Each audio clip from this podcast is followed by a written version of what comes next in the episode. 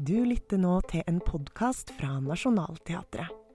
Denne gangen i form av en salongsamtale om den store dramatikeren Lars Norén, som døde i januar i år. Du møter journalist Hilde Sandvik i samtale med regissørene Kjersti Horn og Eirik Stubø.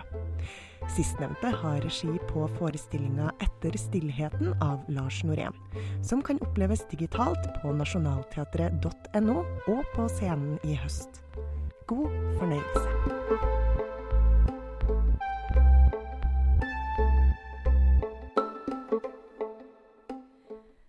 Velkommen til Nationaltheatrets egen salong, som i dag skal få ta for seg den store svenske dramatikeren og poeten Lars Norén, som døde av korona 26.1. Han ble 76 år etter nesten 60 år med uavbrutt skriving som poet, dramatiker og dagbokskriver.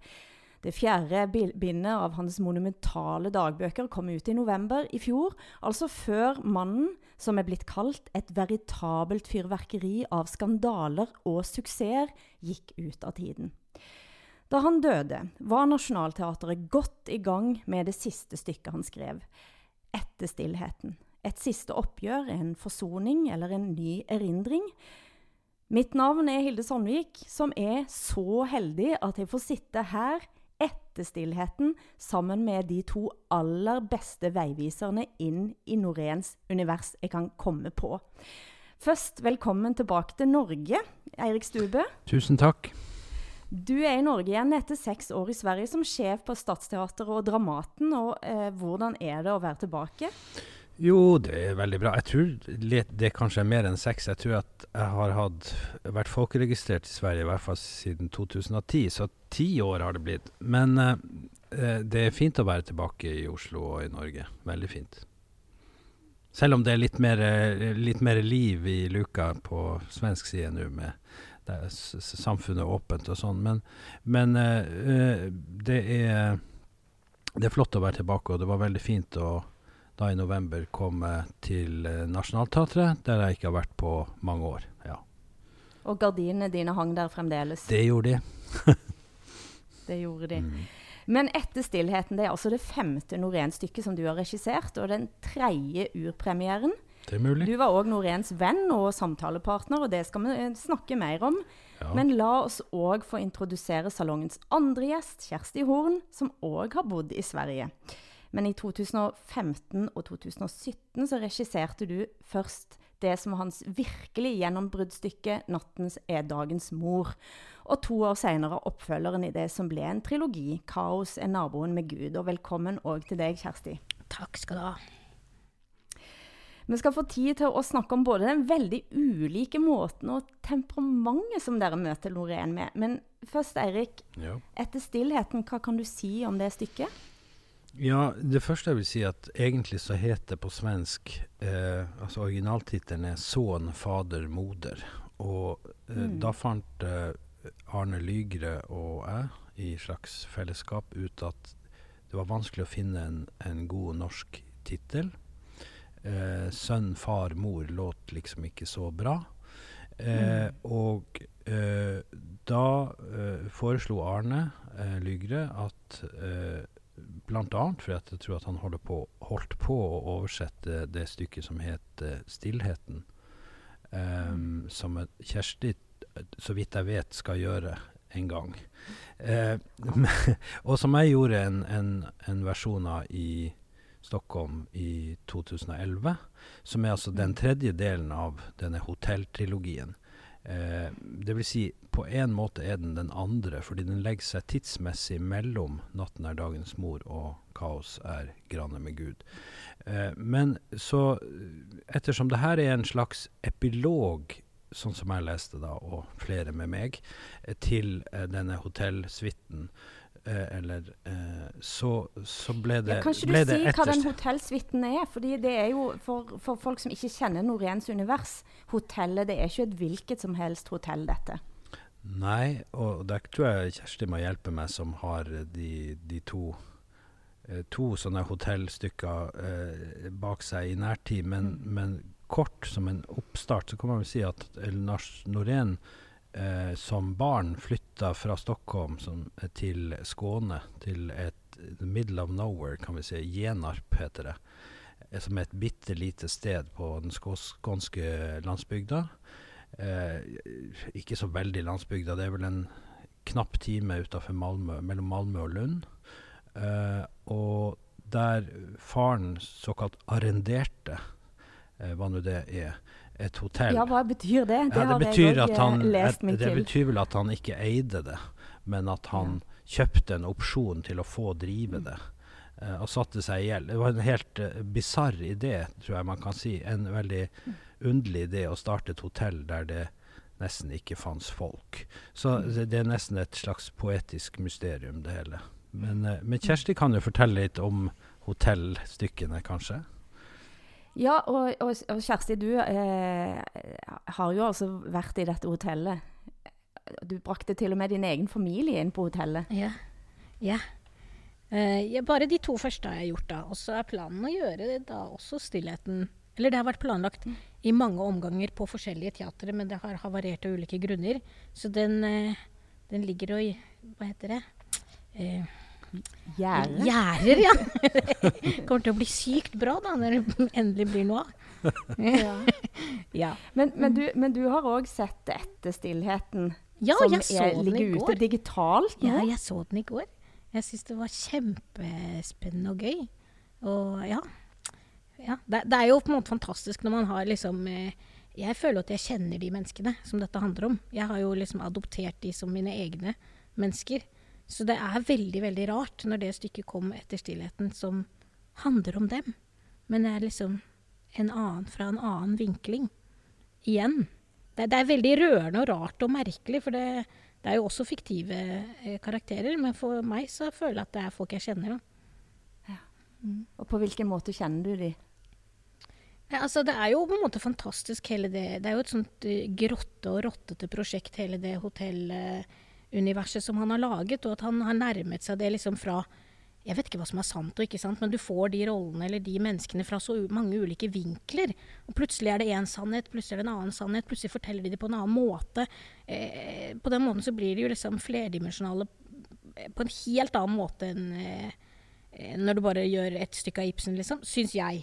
Eh, fordi eh, ja, som mennesker, da, så er de fulle av løgn og, og feil og alt mulig rart. Eh, ja, derfor så, For meg så fins de, liksom.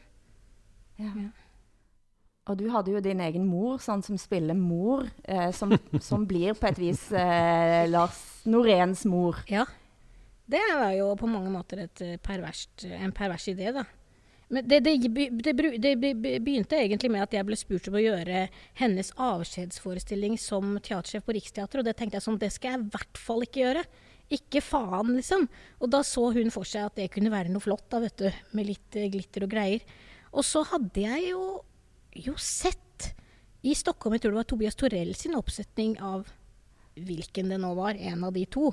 Og så fikk jeg, jeg en sånn Det var begge to? Kanskje det var begge. Det var faktisk begge. Det har du helt rett i. På en kveld. Og, og, ja, og så fikk jeg en sånn eh, slem idé, holdt jeg på å si. Og så tenkte jeg sånn Ja, jeg gjør det hvis hun gjør den rollen.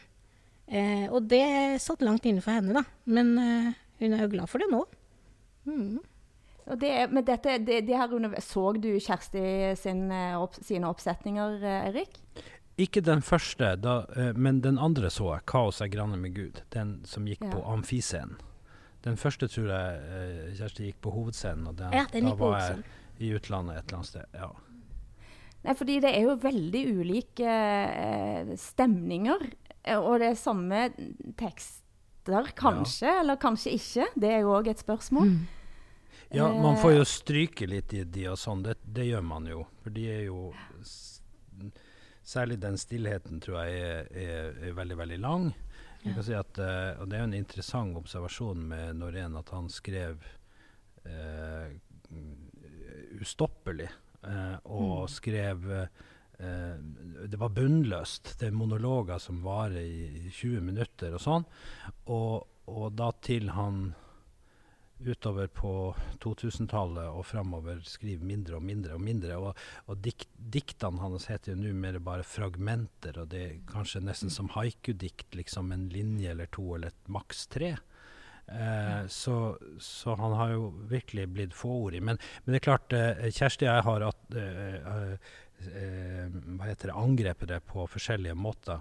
Eh, og det tror jeg er noe av styrken med det han skriver. at det Mm. Det er ikke en selvbiografisk historie fra Skånetraktene. Det, mm. det, er et, det er jo fremfor alt nesten et mytisk landskap. og det viktigste stykket for, for, stykkene skulle jeg si, for Norén var jo Orestien og, og Oidipus, de her mm. mytiske uh, familiedramaene der der denne unge helten ofte har veldig, et veldig anstrengt forhold til sin mor og beundrer sin far. Og, og, det, og, det, motivet ligger jo på en eller annen måte igjen her, selv om det i bunnen av det så tenker jeg at det gjør det. En, uh, mm. en slags uforløst uh, kjærlighet til mor uh, som, som, man aldri får helt tak i, eller mm. som et eller annet av en eller annen grunn, og en far som, som han både elsker og forakter. Litt som man også forakter seg selv. Han skriver jo et sted at ganske tidlig at uh, når han er relativt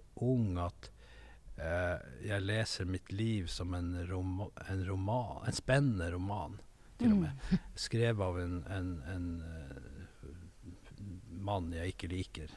Så, så, det er noe mm. sånn. Så, så, det tror jeg sier en del om om det. Men, men, det er klart at det, som også var viktig, det må man jo være eh, sannferdig nok til å si, at, at det som var kolossalt viktig for uh, Norén, var jo møtet med Eugene O'Neill. Og mm. da spesielt, eller egentlig bare, tror jeg, uh, det stykket som heter 'Lang dags ferd mot natt'. Som han da, sant eller usant, påstår at han var med på som noen slags regiassistent jeg tror ikke det er helt sant, men, men, det er en bra historie. For da Bengt Ekeroth, som gjorde uroppføringa på Dramaten i, på 50-tallet, slutten av 50-tallet, 56 kanskje.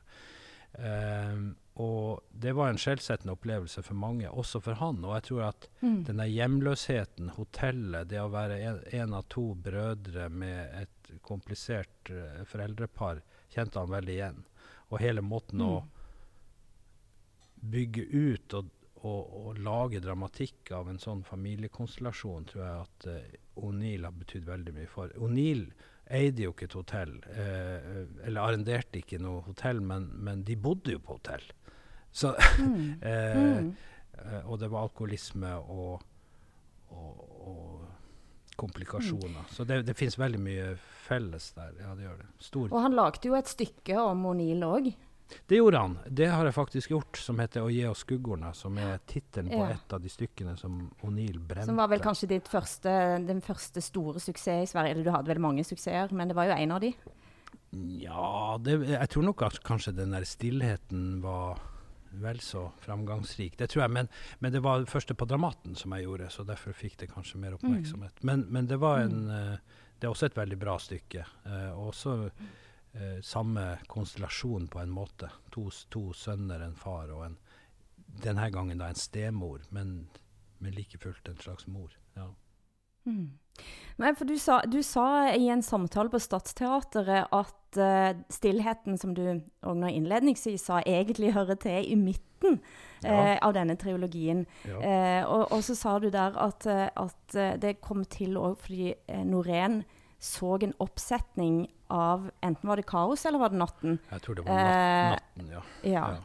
Og der far blir framstilt så, så, fælt at han måtte på en måte inn og, og justere litt det. Ja, han sa så at uh, han syntes at uh, det var problematisk når de stykkene ble brukt til å lage en sånn skuespilleroppvisning i å spille full eller, eller være et svin. Uh, og han, han elska far sin, sa han, og, og, hadde behov for å skrive et slags korrektiv til det bildet av faren. Og det bildet vi får av faren i stillheten, er, så vidt jeg kan forstå, uh, langt mer uh, nyansert på visse måter. Og, og han Det handler også om hans store kjærlighet til faren. Mm. Blant annet. Du har jo sett uh, Du har lest dette stykket nå, Kjersti, uh, vil jeg tro. Mm. hvis du skal jobbe med det. Mm. Er du enig i det? Altså, er det en, hva, hva temperatur leser du inn der? Ja, det, er- det er jo kanskje langsommere, da, på en måte. Det er jo et veldig rart stykke, det stillheten, på en måte, fordi at det, det er så veldig langt og veldig eh, mye han skri, Jeg skriver mye sånn en lang scene, og så etterpå så skriver han sånn Eller kanskje han tenker dette? Eller kanskje han sier dette? Altså som det ikke er ferdig. Eller som ikke har bestemt seg helt. Det er sykt gøy, da. Ja, det Eh, er så det. det har vi holdt på mye med, med jeg og Arne Lygre. Med det.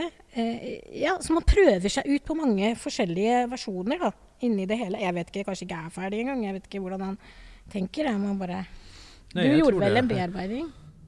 Eh, ja, absolutt. Eh, sammen med en eh, dramaturg, Cecilie Ølvetski, så strøk vi det ned til ja, halvparten, og det varte likevel, Ja. tror jeg, i tre og en halv time. Så, Ja. så skal du spille hele, så er det sju-åtte timer, tror jeg. Men, men, men jeg tror, som Kjersti sier, at det er ikke helt ferdig, og det var kanskje det som gjorde at jeg fikk lyst på det stykket fremfor de andre, fordi det i sin uferdighet er, er så moderne, da, på en måte. Ja. man, og man kan litt lage sitt eget stykke av det.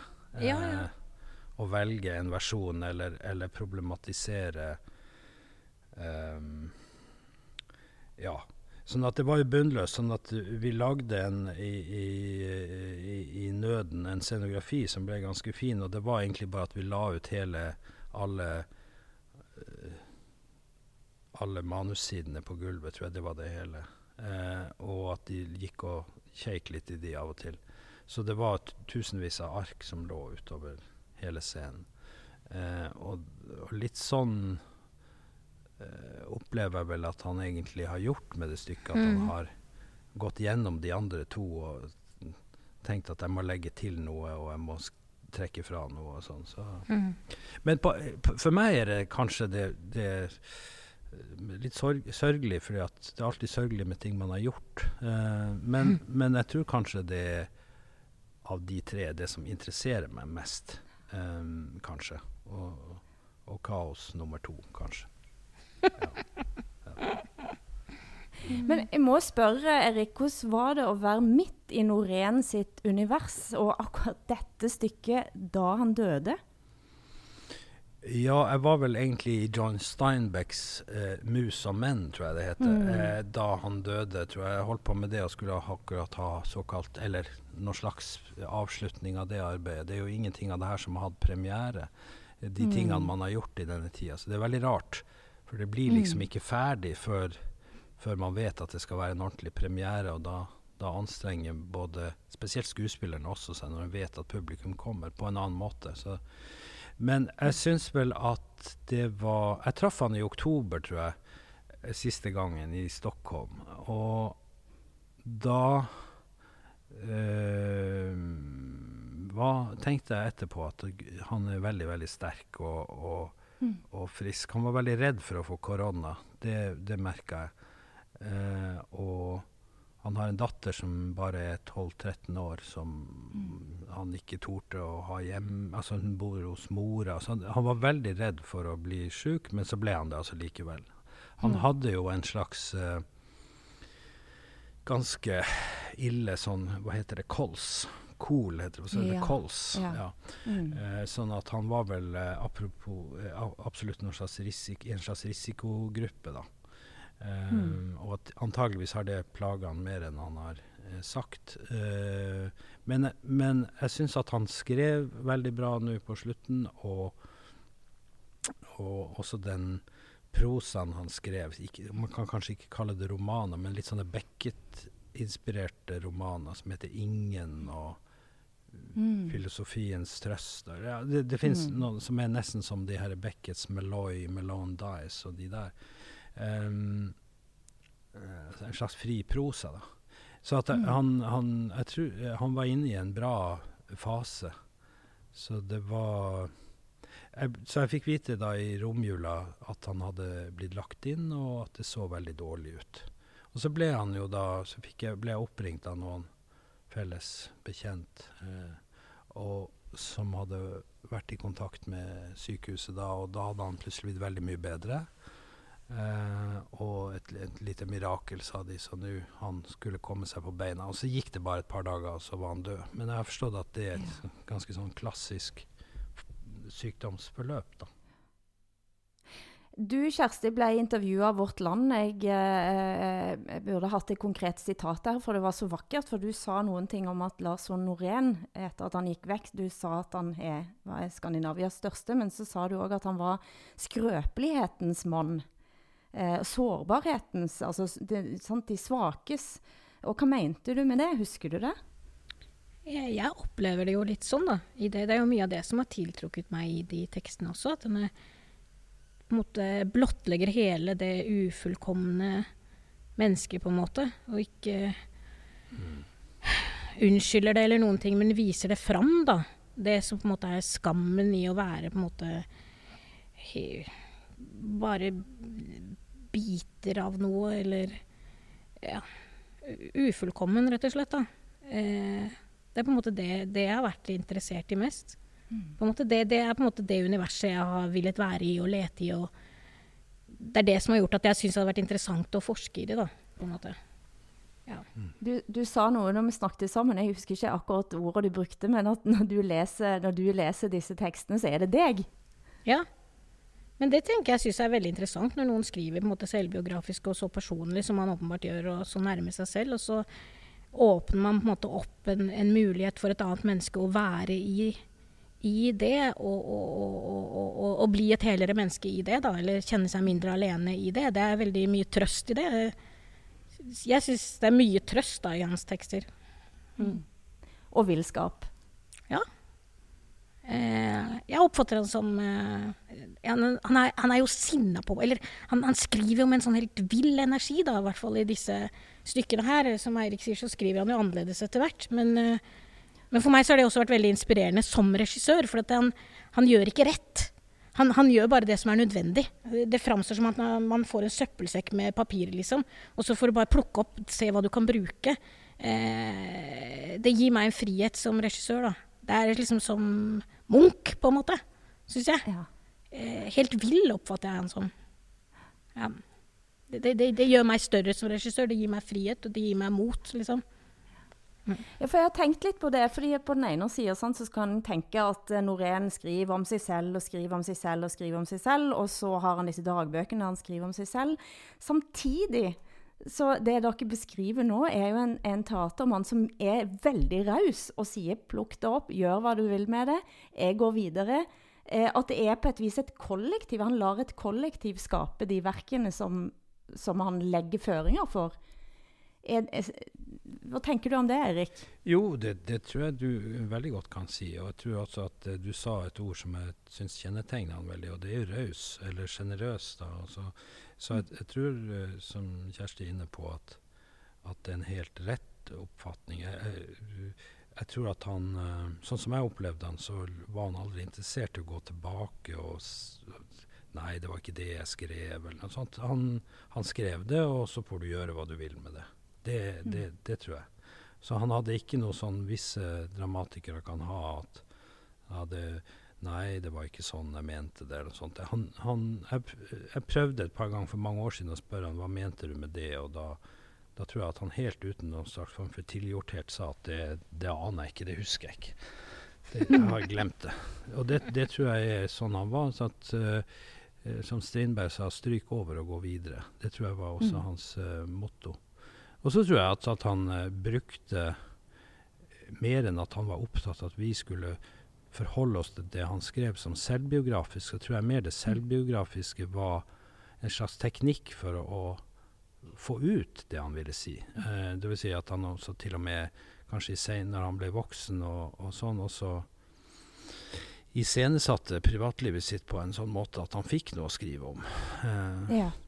Eh, Har man ikke noe drama å skrive om, så må man lage litt rundt, rundt seg selv, og så, og så får han materiale til å skrive om. Det, det tror jeg også at han gjorde. De der, de der dagbøkene de tror jeg er en, en parentes i, i forfatterskapet. Jeg tror at min lille analyse er at han skrev hver eneste dag fra han var tenåring, tidlig i tenårene, og eh, kunne liksom ikke se for seg en dag uten å skrive. Og når han ikke hadde noe annet å skrive om, så ble det dagbok. Jeg tror at det er et slags supplement men det, til forfatterskapet. Jeg syns kanskje noen ganger at, at man legger for mye vekt på de. Jeg tror at det er en, en, uh, en slags uh, Ja, et slags en forfatters toalett. Noen ting må han skrive, liksom. Og uh, så er det klart at det estetisk henger sammen med mye av det andre. At han, han leker med hva som er fiksjon, og hva som er selvbiografi. Og alt det der som er der, er jo også dikt. Mm. Og forbannet løgn også. Selv om det er masse sant i det òg. Ja. I et av de intervjuene jeg har sett med han, han ga jo ikke så veldig mange intervjuer, men et intervju som ligger ute på Luciano, eh, der han snakker om kunsten som en synkebombe eh, som går ned, og så først etter noen uker så kan det være det eksploderer da, når du har vært og, og sett. Men han, han sier der at 'jeg vil ikke skrive det jeg kan skrive'. Jeg vil neste rad skal bli fremmed for meg. Jeg vil søke mislykkende, mislykkende, mislykkende. Mm.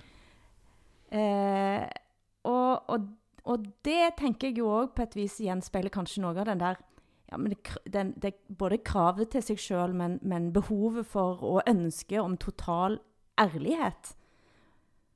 Eller sannhet, på en eller annen måte. Hva mente han egentlig med det? det var gøy. jeg syns uansett det er gøy, da. Det er gøy det han sier der. Det er litt det jeg mente i stad. At han liksom ikke han skal ikke gjøre det. det er veldig mye sånn kunst og teater som vi holder på med, som vi skal lage så flinkt. Vi skal gjøre det så riktig. Det skal bli så fint, og det skal bli så pent. Dere mener at han gir meg en beskjed i de tekstene om bare kjøp på, liksom. Drit ja. i det. Og det, det frigjør på en måte meg. Eh, og mitt attakk, da. Jeg vet ikke om det akkurat var det du spurte om, men eh, Jo. Ja. Det, det, sier han jo nesten rett ut, da, i det du mm. siterer der. Mm. Men det er jo noe med denne forholdet mellom virkelighet og, og løgn og forbanna dikt. Altså, jeg aner ikke om han søker sannheten eller ikke, eller altså, om det er riktig. Altså, det er jo også røverhistorier og uh, utrolig altså, Han elsker åpenbart å skrive og finne på ting og ljuge og sånne ting også. Det fins jo en veldig sånn glede i selve det. Ja, det det. Som man kjenner, det, det, det, er jo ikke asketisk, her må alt være sant. Sånn oppfatter jeg det ikke som. Men det er kanskje en annen form for sannhet, da. På en måte. Det er det, men, men, men det, det, som jeg tror er øh, Akkurat det der med hvorfor det er viktig å mislykkes, det, det syns jeg på en måte Kjersti har svart bra på. Det handler om en slags frihet og en slags fravær av, av korrekthet. Og så tror jeg også at han han, han, levde litt av og på å kunne være en person som ikke alle likte. Jeg tror han brydde seg mm. mer enn at han uh, ikke brydde seg om hva folk syntes om han, for det er jo på en måte sant. Men jeg tror at han også fikk energi av å være uh, ifrågesatt, liksom. Eller å være mislikt av enkelte. Eller til og med forakta. Det tror jeg var en energi han hadde.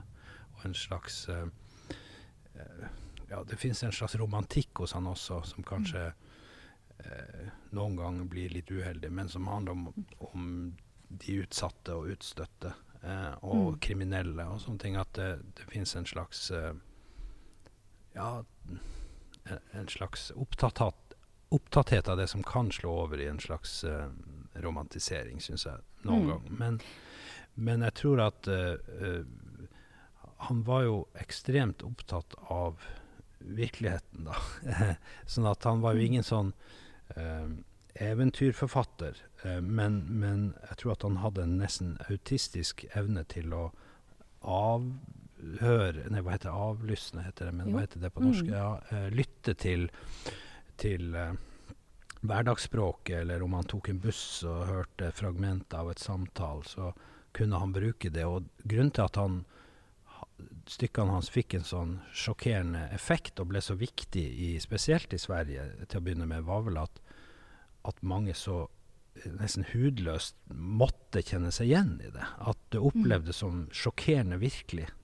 Selv om det selvfølgelig var poetisk forhøyd språket, og at han har en hans styrke i hans humor, sier på en måte, men også hans eh, eh musikalitet i språket er jo fantastisk, og som gjør det til en gave for skuespillerne. Men jeg tror at det sammen med at uh, han ble mye spilt på TV-teatret, apropos strømming nå for tida, gjorde at det fikk en veldig gjennomslagskraft. Så jeg tror uten mm. TV-teatret så hadde ikke svenskene snakka om norenhjul og, og alle de her mm. begrepene om det norenske osv. Mm. Jeg tror at det var veldig veldig viktig. eh, og tok han utenfor teatersalongen, da, på en måte. Mm. Ja. Ja, og det er jo en slags eh, altså det, Ordet realisme dukker jo opp, ofte opp i det han snakker om og det han skriver om, og det blir sagt om hans eh, drama òg. Og det var jo en slags motvekt eh, til drama i Sverige, da, særlig da TV-dramaene kom ut. At en plutselig ble slått i ansiktet av noe som ja. var så grusomt virkelig. Ja, absolutt. Nei, men jeg mener som, uh, bare så det er sagt, som, som uh, du siterte et intervju med Kjersti der hun sa at han var Skandinavias fremste dramatiker, og det, mm. det mener jeg hever over tvil. Og jeg syns mm. det er ganske pussig. Det slo meg nå når vi begynte å snakke litt ibsensk også her, at han f.eks. aldri fikk uh, hva heter det Ibsenprisen. Det syns mm. jeg er mm. direkte underlig. For er det noen i, etter andre verdenskrig som har hadde fortjent den eh, i si, Ibsens ånd, eller hva det heter, så er det vel han. Eh, mm. Og jeg mener at han er helt eh, Ja, ikke bare skal jeg mene altså at i, i, i verdenssammenheng er en av de absolutt store dramatikerne i vår tid. Og han kunne like gjerne fått nobelprisen som Harold Pinter eller Samuel Beckett. Det, det, mm. det mener jeg. Og hvorfor, hvis du skal eh, gi en begrunnelse? Til Nobelkomiteen. til ja, Nobel og, og Ibsen-komiteen posthumt, kanskje. Nei, men, men, altså, hvorfor det, skulle han fått disse prisene? Det er vel helt hevet over tvil at han har transformert det liksom, realistiske dramaet som kom ut av Kommer egentlig fra Ibsen, kanskje, og, mm. og Hauptmann og Ibsen, og, og, transformert og popularisert av Arthur Miller og delvis Tennessee Williams eh, og Eugene O'Neill. Eh, så er han altså, den absolutt fremste som har betydd mest for utviklinga av teatret, som har betydd mest for utviklinga av skuespillerkunsten, i, i, i, i, hvert fall i Norden. Eh, helt uten sammenligning. Er du eh, enig, Kjersti? Ja, det, er jeg helt enig i. tenker jeg helt bak mål, egentlig, at han ikke har fått den. Mm. Nei, for det, det var altså i disse dagbøkene Du Eirik er jo sitert uh, opptil flere ganger. Jeg vet at du ikke har uh, lest så grundig på jakt etter deg selv, uh, i motsetning til store deler av den svenske kultureliten. Ja.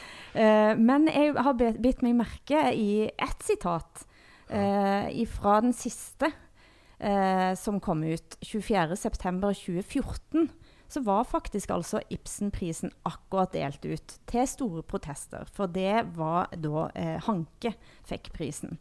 Eh, ja. Og så, si, ja, og så, sier, så skriver, så skriver Norén Eirik og jeg pratet intensivt om den åsiktshegemoni som råder i Skandinavien, og som han tror er mest dominerende i Sverige. Han jamførte den med at man opptekker en tumør på kroppen som man gjerne slutter å oppmerksomme, og når den tre år senere har brett seg ut enda mer fortsetter at man at låtsas som ingenting og når andre, eh, andre nevner den betrakter man dem som fiender ungefær. Ja. ja. Jo, men det høres, eh, det høres ut som noe ja. jeg kunne ha sagt, ja. ja. Ikke, så, ikke, så, elegant, men, men noe sånt, ja. ja. Eh, og, og hva husker du er, hva, Hvilken stemning var dette i? Hva vi diskuterte? Det var kanskje det at uh, Kanskje utgangspunktet var, en var det en diskusjon om Peter Hanke vi hadde hatt, var det det? Nei, det var, jeg Nei. tror det var snakk om Simon Weil, og det var snakk om Ibsenprisen, og det var en Jaha. lang samtale her om mange ting, tror jeg. Nei, men, men det, det, er jo en ganske jeg, jeg, står for den beskrivelsen av visse deler av svensk offentlighet og mentalitet, og det han var veldig opptatt av et begrep som ikke er mitt, men som han brukte. og Det var det han, han snakka om den totale mangelen på sivilkurasje i Sverige. Det mm. var han veldig opptatt av, at ingen torde å stå for noe. Eh, og det tror jeg han på sitt vis prøvde å motvirke, eller han prøvde i hvert fall å være den han var. Mm. Og så fikk det bare på de konsekvensene det hadde. og Derfor så var han en så viktig figur i Sverige. For der, der, det, der debattklimaet kan være ganske engstelig innimellom. Eh, det er en enorm redsel for å si noe feil. Det, det, det hadde ikke han så mye av. Engstelig, engstelig og kanskje òg litt hardt? Ja, hardt i sin engstelighet, kanskje. Mm. Men er du enig i det, Kjersti? Eh, jeg har jo Du har jo også bodd i Sverige. Ja da. Nei, og, jo en stund siden jeg bodde der, da. Det er jo over ti år siden. Men, eh, så Sverige har sikkert forandret seg ganske mye. Ja, det har det nok. Jeg har ikke oppfattet det Jeg opplevde det ikke sånn. Jeg opplevde eh, snarere tvert imot at det var mer sivilkurasje i Sverige. Jeg opplevde også som det var, en, det, var en, det var en måte å snakke på. Det var et krav til å være belest. Det var et krav til å være innsatt i samfunnsdebatten osv. Eh, også på våre arenaer, da, på teatret, som jeg oppfattet som manglende hjemme. Og jeg tenker at for meg, da, som ung kvinnelig regissør som kom ut av Dramatiske instituttet, så er jeg utrolig glad for at jeg på en måte fikk vokse opp i, i Sverige og gjøre mine første produksjoner der, hos Benny på Stadsteatret osv. I et debattklima som jeg oppfattet var mer vitalt enn hjemme, og der de var opptatt av rettferdighet, de var opptatt av feminisme, de var opptatt av å gi plass. Eh, Jeg fikk komme opp på store scenen. Jeg tror ikke det hadde vært like lett her i Norge. Jeg vet at det ikke hadde vært lett, like lett her i Norge. For som ung kvinnelig kunstner da, så tenker jeg takk Gud for Sverige. Takk Gud for den måten å tenke på og snakke på. Så det er et, en annen erfaring egentlig med det. Eh, Eirik, ja. Hva tenker du om det, Eirik? Nei, men jeg tror at uh, det er åpenbart helt rett at det er masse som er bra med Sverige. Jeg har jo selv eh, eh, bodd der i ti år, og ungene mine har vokst opp der og snakker fremdeles svensk hjemme. Så, så det er klart at det er, det er masse med det svenske samfunnet jeg har satt pris på. Og setter pris, stor pris på, og jeg skal jobbe der allerede til høsten igjen. Sånn at det, det, det er åpenbart riktig, og på mange måter er jo fins det noe mer eh, litt mer raffinert over den svenske kulturdebatten enn den norske. Men det fins også noen mørke sider ved den, og det er et slags, et slags eh, eh, Opptattheten av å, å mene det samme. Eh, og det tror jeg har forandra seg litt, Kjersti, siden du flytta hjem sikkert. eh, har, har blitt større. Det er eh, jeg, jeg snakker jo med Sverige hver eneste dag, eh, og, og det, det å av og til og Hvis jeg bare sier noe feil om Anders Tegnell eller noe sånt, så får du høre, da, da blir det bare stille. For da, det er visse ting man ikke sier. Ja, og det tror jeg var det Norén ville inn på, da. Så er det masse som Ja, det er det han sier Ja, her òg, faktisk. Eh, For han sier her at den liberale altså han eh, mener da at det, den liberale humanismen, Mm. en kvasireligiøs lengtan, eh, som eh, har byttet ut sin gud mot tilvekst, som han sier. Og så sier han, og det er der jeg føler det kanskje det du er litt innom her, Eirik. For, Ja. for dem har allting två sidor, en god og en ond. Og det er ingen tvil om hvilken sider de befinner seg på, eller hun. Nei, det er sant. Og det, det som jeg syns var problematisk eh, kanskje på teatret, og som jeg tror han også er inne på her, det er jo det med denne forenklinga ofte som da oppstår i god og ond. At eh, det, det finnes en tendens, eller, og særlig de siste årene, ettersom den politiske styringa av hva man holder på med på teatrene, det, det vet jeg litt om etter, etter å ha vært sjef, eh, er blitt så sterk. og da eh, eh, er det som om Jeg tror at han var veldig opptatt av at det han så på scenen, eh, når, eller det han oppfatta av hva som skjedde i teatret i samtida, de siste kanskje fire-fem årene spesielt, eh, eh, skulle være riktig eller korrekt, eller gi uttrykk for de meningene man burde ha.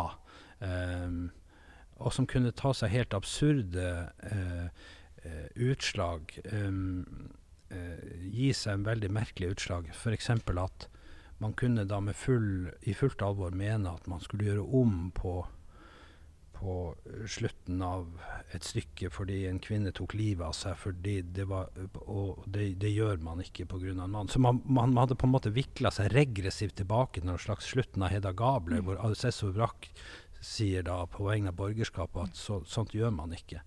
Så man hadde på en måte laga et, et slags system der det å gi uttrykk for å liksom propagandere for rett holdninger har blitt viktigere enn å vise mennesket i all sin skrøpelighet og skjørbarhet og alle sine feil, og, og også feile meninger.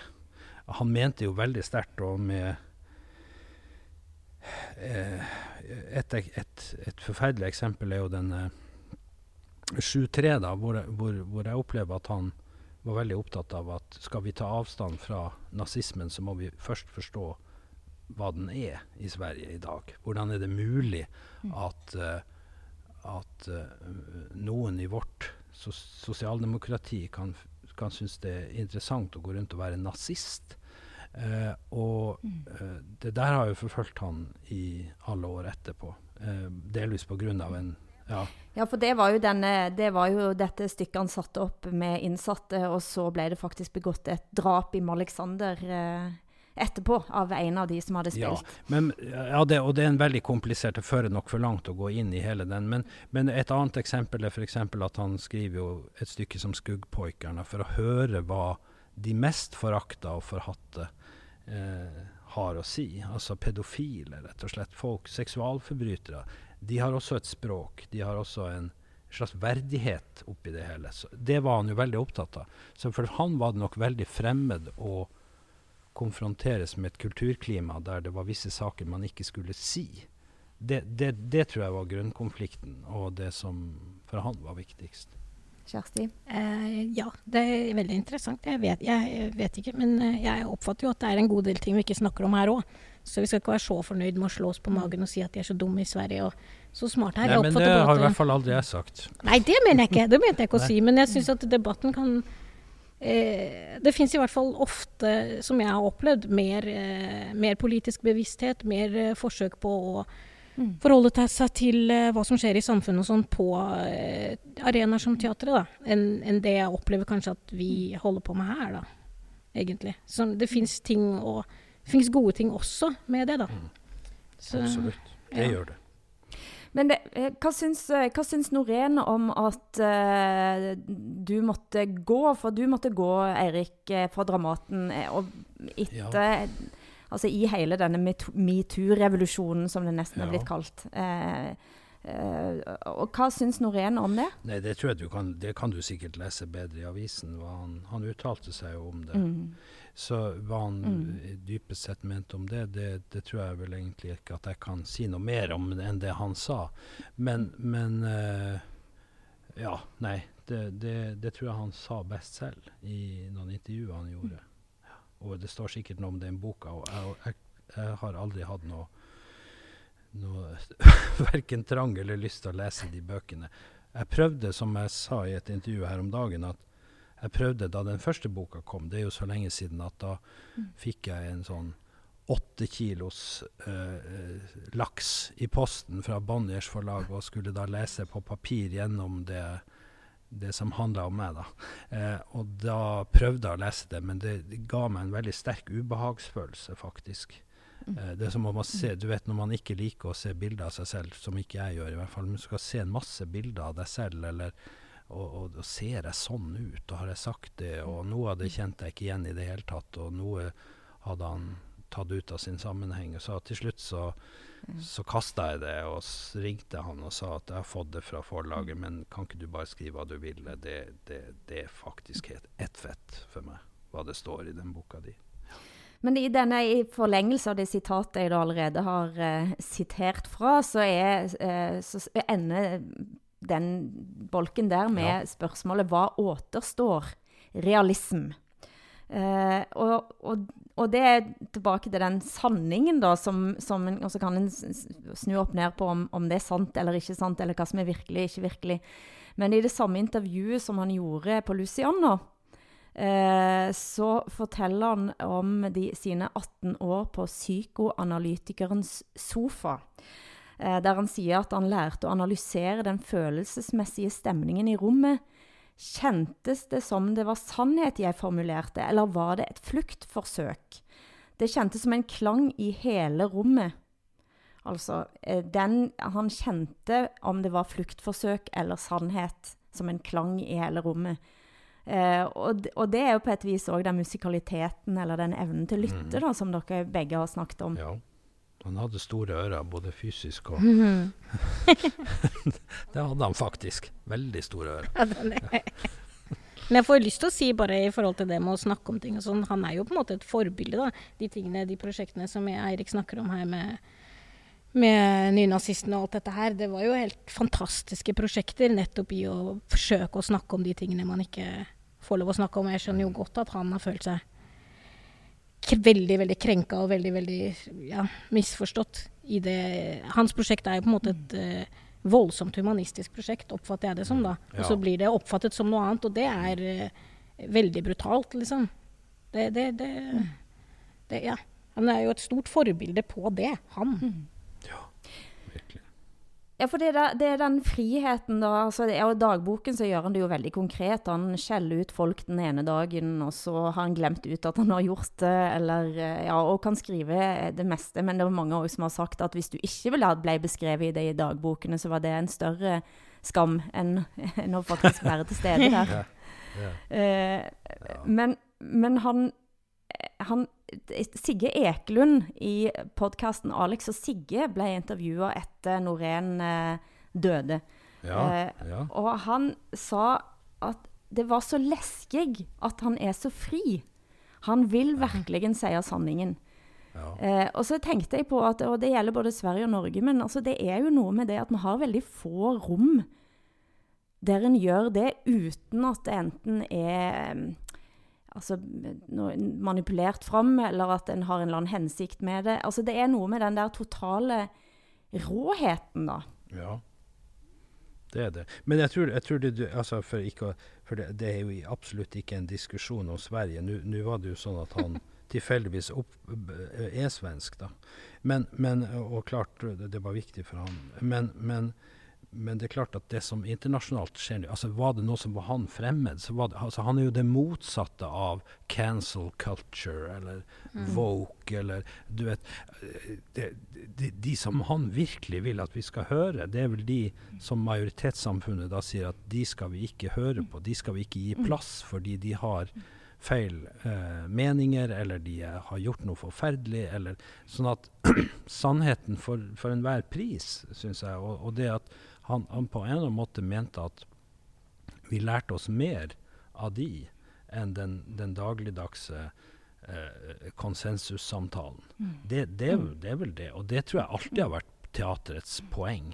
Nå sitter jeg På mandag skal jeg begynne å eh, eh, eh prøve på Orestien av av uh, Aiskylos. Og det er altså et stykke som det, det, det man, De dreper hverandre. Sønn dreper mor, og de, har, de, har, spist hverandre. Altså vir, virkelig kannibalisme. Og uh, den derre uh, Det å se det å forstå seg selv gjennom forstørring, forstørrelsesglasset, gjennom å se eh, det som vi nesten ikke tør å snakke om, har jo alltid, mm. helt fra det teaterets spede begynnelse, eller kraftfulle begynnelse, vil jeg vil si, for 500 mm. før Kristus, har alltid vært en del av teatret som kunstform. Mm. Og jeg tror at han var veldig opptatt av at hvis man gjør teatret til en slags sånn åsiktsmaskin for de rette, eh, for de rette eh, synspunkter, hva nå det til enhver tid må være, så ødelegger vi det mm. som er teater. For teatret er jo nettopp et sånt rom.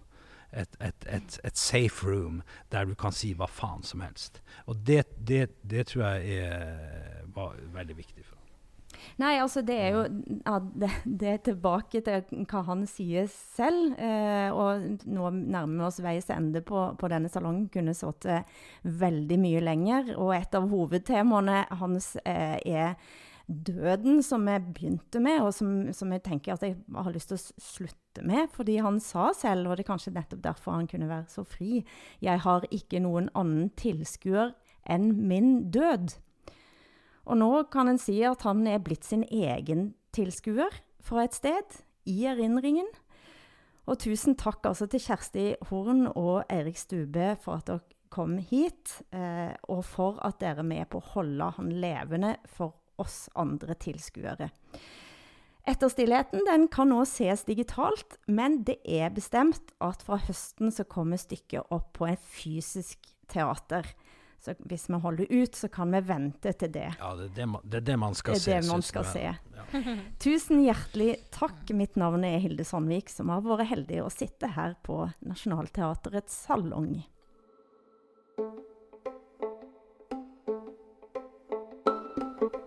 For at du hørte på Nationaltheatrets podkast Teaterprogrammet. Og denne salongsamtalen tatt opp i teaterets publikumsfoajé med Hilde Sandvik på link fra Bergen. Ideen til programmet var ved Gunhild Aarebrot Kilde, og produsent var meg, Åsta Hoem Hagen. Mer informasjon om forestillinger og arrangementer finner du på nasjonalteatret.no. Og følg oss gjerne også på sosiale medier for mer innhold produsert på, bak og rundt scenen. Håper vi ses snart i teatret.